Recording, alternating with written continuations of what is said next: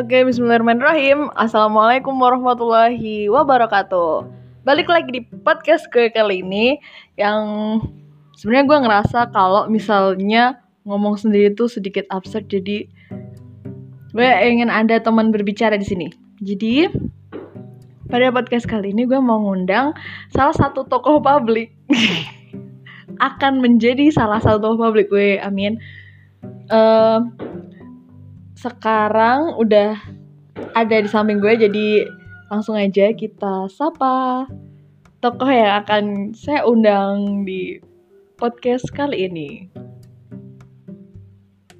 Halo, aku Konita Lemba Rahmah, bisa dipanggil L buat Iya, teman-teman sama orang-orang biasanya manggil L. Ada yang manggil Konita juga, tapi lebih singkat L aja. Terus uh, short inter introduction aku ini sekarang kelas 2 SMA mau naik kelas 3 dan aku SMA salah satu salah satu SMA di Jogja SMA Negeri 5 Yogyakarta. Terus di sana aku menjadi uh, ketua OSIS mitra tama jadi ketua umum sama uh, aku juga aktif di beberapa organisasi di wilayah sama aktif di beberapa kegiatan gitu. Nah, kira-kira apa ini yang mau diobrolin sama aku? Wow, amazing sekali ya ternyata. Jadi pada podcast kali ini ya, gue mau sedikit wawancara tentang gimana sih seorang ketua OSIS menyikapi banyaknya event, banyaknya kegiatan yang ya di luar dugaan kita kan pasti udah banyak banget dari teman-teman juga yang udah nge-explain atau udah nge-schedule jadwal ada event ini, event ini ternyata ada ya musibah seperti yang kita ketahui. Terus sebenarnya di sini gue mau nanya seba, uh, posisi dia sebagai ketua dan yang mengharuskan memimpin jalannya organisasi yang ada di sekolah dia. Terus uh, pengen tahu sebenarnya sejauh apa saat ini keberlangsungan OSIS di sekolahnya dengan kondisi yang sekarang. Jadi kita dengar uh, gimana argumen dia. Uh, aku bakal minta maaf dulu soalnya mungkin nanti bakal terkesan agak muter-muter dan panjang. Uh, jujur karena emang pandemi ini ngaruh ya, ngaruh banget sama aktivitas apalagi juga aktivitas anak SMA. Kenapa? Soalnya satu dari sisi akademik, dua dari sisi sisi kegiatan kesiswaan. Kalau dari sisi kegiatan akademik ya jelas kita nggak bisa uh, melakukan KBM seperti biasa. Terus habis itu kalau kegiatan siswa tuh ya biasalah event anak SMA ada berapa toh sekarang. Uh, jujur walaupun aku udah mangkas di masa jabatanku ini event-event yang menurutku kurang praktikal uh, dari awal karena emang tujuanku di masa jabatanku bukan untuk gedein eventnya. Tapi menurutku um, kalau dari yang ada itu ada yang uh, jadi event event mulai event pertama ya biasa tryout tryout buat anak SMP itu kan uh, harusnya udah udah dilaksanain April tapi ternyata surat keputusan dari gubernur menyatakan bahwa emang nggak bisa dan itu harus di cancel uh, yang jadi agak bingung karena pelaksanaan eventnya itu udah mepet dan udah mesen segala macem ya gimana lagi? Kita cuman bisa ikhlasin lah ya.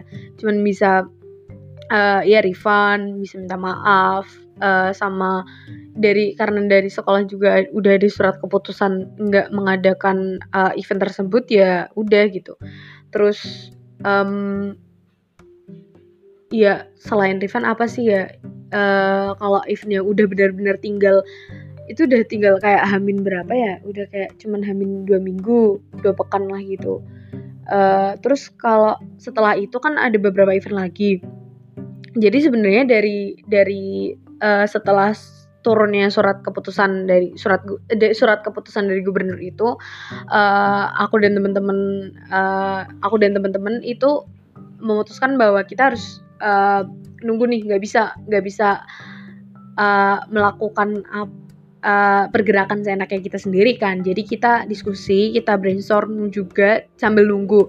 Batasannya itu sebenarnya bulan Juni, bulan Maret, uh, April, Mei. Ya Mei Juninan gitu. Dan ternyata um, kalau misalnya kondisi tidak memungkinkan ada dua opsi lah kalau enggak kita undur ya kita batalkan kalau diundur pun kita juga harus mikir uh, sampai mana sih periode kita bakal selesai dan apakah itu sebenarnya untungin apa enggak? Soalnya kan setelah pandemi ini bakal bakal uh, semua orang bakal apa ya berusaha memulai aktivitasnya lagi kan. Dan menurutku uh, nggak etis gitu loh. Abis pandemi tiba-tiba kita langsung bikin konser dan pagelaran yang uh, ngabisin duit gitu. Ya oke okay, uh, orang pengen senang-senang tapi kan nggak apa namanya nggak etis juga kalau misalnya kita mementingin kepentingan kita sendiri.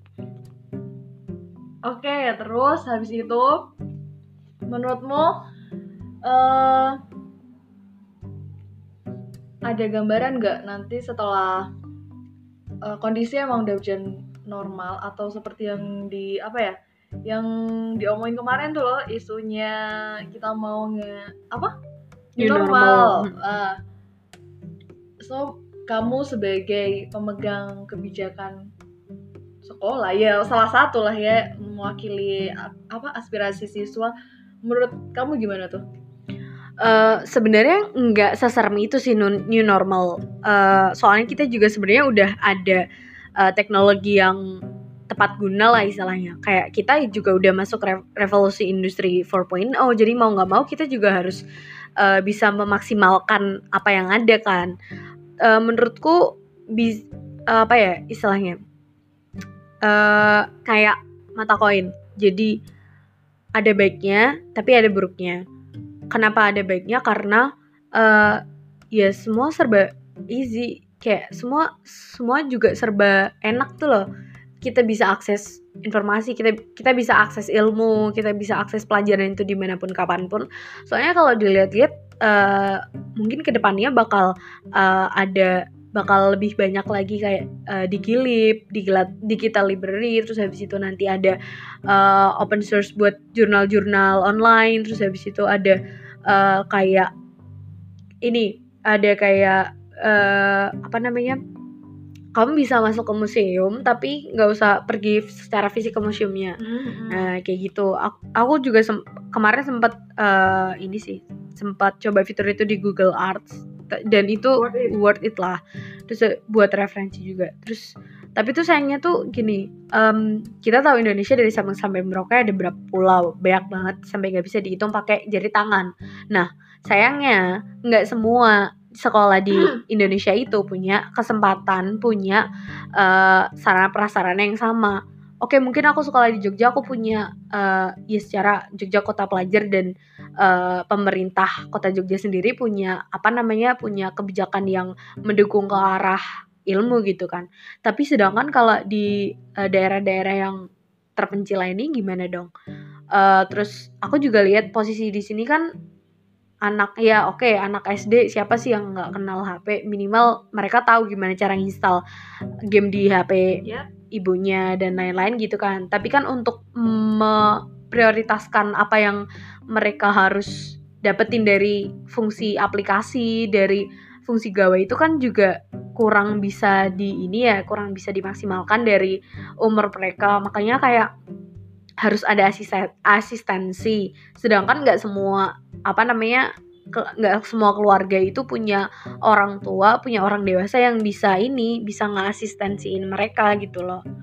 Nah terus belum lagi ntar ada beberapa ada orang-orang yang uh, secara kondisi finansial kurang mencukupi. Ya lebih mending okay. beli inilah lebih mending beli uh, makanan uh, kebutuhan sehari-hari daripada buat beli internet kuota sama apa namanya gawe yang mungkin buat mereka itu kebutuhan nomor berapa gitu loh. Seperti itu sih. Oke oke oke oke. Terus uh, eh nggak usah banyak banyak deh kita ambil intisarinya aja. Jadi sebenarnya keadaan yang sekarang kita hadapin ini bukan jadi salah satu masalah utama untuk kita nggak belajar atau kita nggak nuntut ilmu ya. Hmm, jadi kita tetap ya apa ya tetap berusaha lah untuk mendapatkan apa yang harusnya apa yang menjadi kebutuhan kita sebagai seorang pelajar. Dan tentunya itu adalah ilmu. So eh, buat temen-temen yang merasa kayak eh, apa ya overthinking overthinking. Hmm. bisa dibilang overthinking tentang oh gimana nih gue sekolah besok? Atau ya masa new normal terus nanti gimana gimana? Eh, sebaiknya kita refleksi ke diri kita masing-masing sih. Balik lagi ke diri kita seberapa minat kita untuk mencari ilmu atau seberapa semangat kita untuk mencari ilmu menurutku mau kondisi seperti apa pun tuh nggak jadi masalah. Hmm. karena kita sekarang juga punya fasilitas yang mencukupi terus juga keadaan yang alhamdulillahnya beruntung sebagai sebagai apa ya sebagai penikmat sosial media atau pengguna internet gitu kan. Jadi no limit nggak ada keterbatasan untuk kita menyalahkan kondisi sebagai hambatan untuk mendapatkan ilmu. Itu aja sih. Menurut lo gimana? Setuju gak? Eh, setuju sih. Ya karena tadi juga udah disebutin intisarinya aja. Ah, intisarinya apa? Ya udah kayak eh, last word aja ada seribu jalan ada seratus jalan menuju Roma. Jadi intinya tujuanmu udah ada nggak? Gitu. Ntar bakal ada jalannya kok. Coba-coba aku mau denger eh ah, gue mau denger quotes by ketua OSIS SMA 5 atau yang biasanya kita kenal Puspa Negara sih nggak ada. Nggak ada quotes quotesan udah pesan-pesan terakhir untuk anak-anak yang barusan lulus fresh graduate dari SMP SMP ya SMP atau SMA yang mau masuk kuliah boleh silakan. Em, apa ya?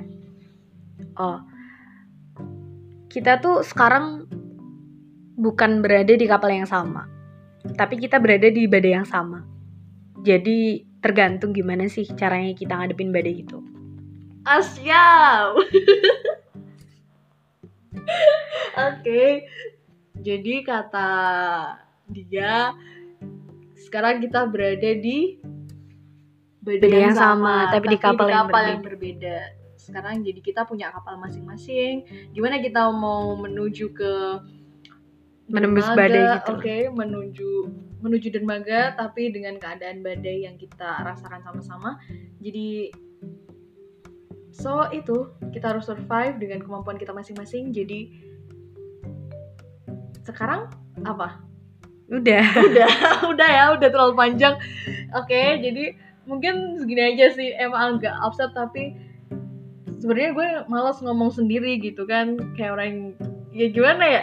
Kehabisan materi juga sebenarnya nggak ngomong sendiri. Jadi gue undang dia buat eh, apa? Buat ngobrol bareng di podcast ini. Soon gue bakal discuss lagi masalah yang sering kita hadapi sekarang ini yaitu isu tentang lingkungan. Karena kebetulan dia sebagai salah satu ketua Green Generation DIY Hmm, true. cuman belum dilantik. Ya cuman belum dilantik. OTW, OTW. OTW mohon doanya teman-teman. Jadi mungkin segini aja. Semoga bermanfaat. Eh, gue kasih last word yang tadi dia bilang. Kita berada di badai yang sama tapi dengan kapal yang berbeda. So mari kita bertahan untuk menghadapi badai ini. Jangan menyerah karena masih banyak cara untuk menuju dermaga selanjutnya. Oke sampai di sini dulu. Kita lanjut di podcast selanjutnya Salam dari gue dan siapa? L. Goodbye. Goodbye. Wassalamualaikum warahmatullahi wabarakatuh.